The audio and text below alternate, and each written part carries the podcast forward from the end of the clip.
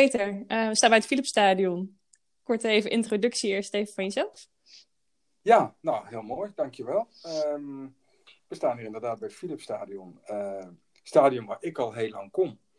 Uh, en dat heel lang geldt ook voor Brink. Althans, niet dat Brink daar komt, maar dat ik daar werk.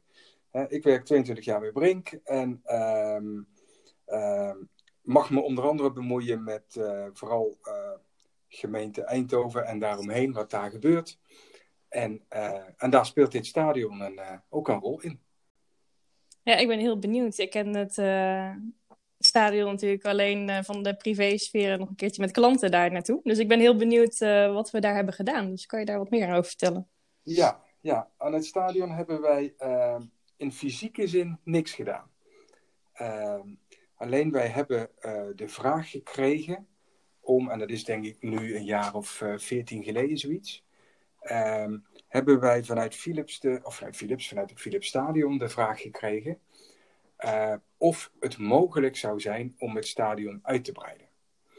En de bedoeling was om het stadion van 10.000 extra zitplaatsen te voorzien, omdat je daarmee in een uh, groep terechtkomt waarmee je internationale wedstrijden mag organiseren. Uh, en ook als je EK's en WK's wil organiseren als land, dan heb je een aantal van dat soort stadions nodig met, met die capaciteit. Dus meer dan 45.000 uh, zitplaatsen. Nou, het stadion heeft er nu ongeveer uh, 33.000, dus er moesten er ruim 10.000 bij. Uh, was nog een tweede vraag, of ja, dat was eigenlijk de hoofdvraag. De vraag is, kan dat hier? En als dat hier niet kan, kan het dan elders? Ehm, nou, dan uh, kom je al. Uh, dus de eerste vraag was eigenlijk een technische vraag. Kan dat op deze locatie? Um, daar hebben we naar gekeken. Um, en dat kan. He, je had uh, op de twee korte kanten en de lange kant boven het spoor aan die kant een extra laag erop kunnen zetten. Dat is mogelijk. Um, was best wel complex geworden, omdat je dan wel dichter bij het spoor komt en je allerlei voorzieningen moet treffen. Maar had gekund. Um, het alternatief zou zijn geweest, waar men toen aan dacht, uh, richting de McDonald's bij de Hurk. En volgens mij is dat een hoek waar nu de nationale politie een politiecampus wil gaan bouwen. Uh, die locatie is ook in beeld geweest. Uh, en toen liepen we aan tegen de stromingen binnen Philips. En binnen PSV met name. Um, er was een groep die uh, heel erg gericht was op het maximaliseren van de capaciteit en de verdiencapaciteit. En daarmee de begroting van PSV en daarmee de sportieve prestaties. En er was een groep die zei van we zitten op de meest prachtige plek in de stad. Uh, op een Engelse locatie, hè, zoals ze dat noemen. Mensen lopen er naartoe. Uh, en dat, dat moeten we nooit zien te verliezen. Dat moeten we zien te behouden. En dan is het maar Uh, qua parkeren en zo allemaal een, drama. Want als je moest uitbreiden, moest je ook parkeergelegenheid realiseren. Nou, dat kan in de stad helemaal niet. Er was helemaal geen plek voor. Uh, ze zeiden, nou ja, dat, dat accepteren we. Maar als we uitbreiden, moeten we het hier doen. Nou, wij hebben met die twee stromingen gelukkig niet zo al te veel van doen gehad. Wij, wij, moesten daar gewoon objectief in zijn. Uh, maar uiteindelijk ehm, Uiteindelijk is het niet gebeurd. En de reden was een hele andere. De reden was dat uh, als je er 10.000 plaatsen bij zou maken, dan zou dat betekenen dat uh, het aantal seizoenskaarten wat je zou verkopen, zou verminderen in plaats van toenemen. Oh. En dat komt, ja, en dat komt omdat er nu, uh, nu zijn, moet ik even goed zeggen, van de 33.000 zijn er 30.000 seizoenskaarten. Dat is heel veel. En dat is omdat als PSV Europees speelt, en toen dit speelde, speelde PSV altijd Champions League. Helaas is dat niet meer zo. Mm-hmm. Maar toen wel. En uh, je moest eigenlijk een seizoenskaart hebben om ook aan Europese kaarten te kunnen komen. Anders kon je daar niet bij zijn. En de verwachting was, als we uitbreiden naar 45.000 plaatsen, zijn er zoveel plaatsen beschikbaar dat mensen niet meer per se een seizoenskaart hoeven te kopen om ook de Europese wedstrijden te kunnen bezoeken. Dus men vreesde eigenlijk dat het stadion leger zou worden in plaats van voller. En dat het alleen maar bij incidenten heel vol zou zijn, maar doorgaans een stuk leger. En dat is hm. uiteindelijk het argument geweest om er niet voor te kiezen. Oké.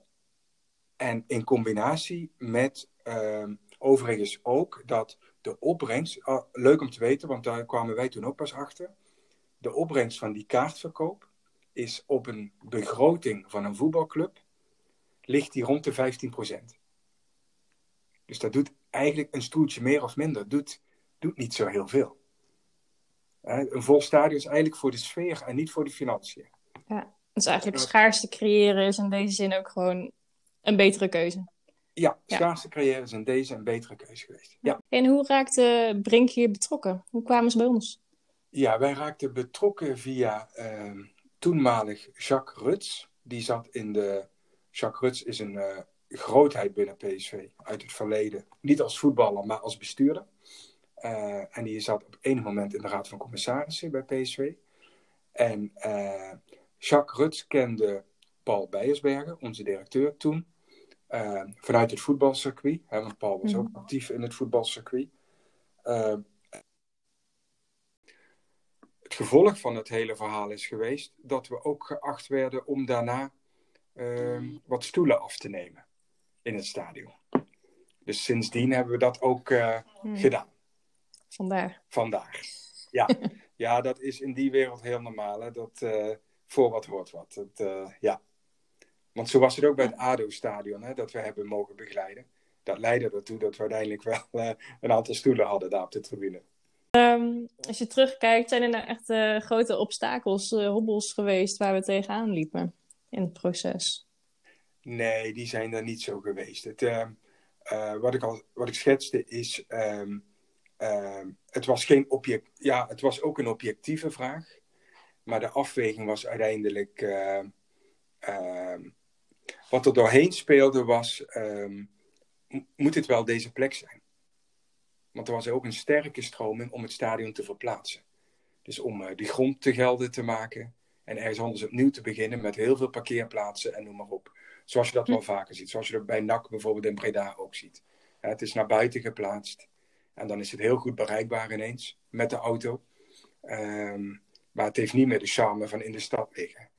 Um, goed, dat, hebben we, dat heeft er wel doorheen gespeeld, maar dat heeft niet uh, gehinderd of, uh, of uiteindelijk het besluit ook beïnvloed. Het besluit is uiteindelijk echt heel, ja, heel rationeel eigenlijk uh, genomen. Ja, en als je dan terugkijkt op um, onze rol daarin, en het succes bij het maken van die keuze. Hoe zou je dat omschrijven? Ja, onze rol is echt de, de objectieve rol geweest. Dus uh, onze rol is om uit te zoeken, kan het technisch? Nou, dat kan.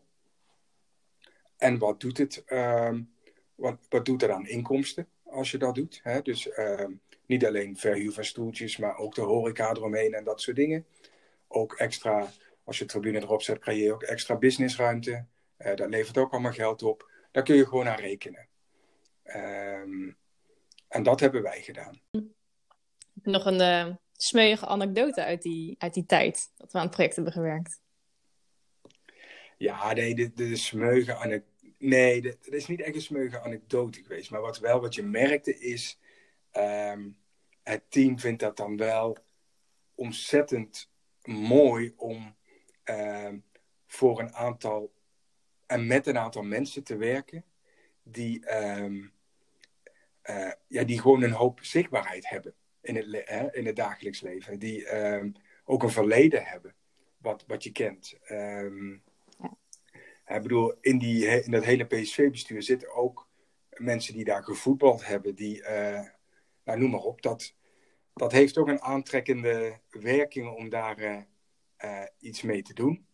En um, um, nee, en het mooie van het verhaal was gewoon dat er ook heel veel gesproken werd over, natuurlijk niet over het project, maar over, uh, over aankopen en verkopen van spelers. En, ja, ja. en die smeuïge anekdotes, hè, die worden dan verteld. Nou, klinkt wel als een droomproject voor jou zo. het is gewoon Uh, hobby en werk. eh. Oh nee, dat, eh, ja, nee, dat is gewoon hartstikke leuk. En in de eigen stad. En eh, ja. hartstikke mooi. Ehm, maar wat nog leuker is, is dat het ons ook die stoelen daarna heeft opgeleverd. Eh, oh, die hebben we overigens op dit Ja. moment niet meer, hè? Eh, Niet? Nee, dat, Oh. we zijn daar eh, na afgelopen seizoen mee gestopt. Ehm, en de reden, ons contract liep ook, liep ook weer af. En we zagen ook wel aankomen, ja, dit, dit gaat niks worden. Ehm, en ehm, ehm, PSV was niet heel scheutig met het. ehm, eh, want het seizoen daarvoor is ook al slecht afgelopen. Hè? Dat is ergens in maart geëindigd. Terwijl we nog een wedstrijd of 65 aan hadden. Eh, en in de compensatie waren ze niet zo heel eh, ruimhartig. Ehm, en ik dacht, ja, dan gaan we dadelijk, want het is best een dure aangelegenheid om daar te zitten.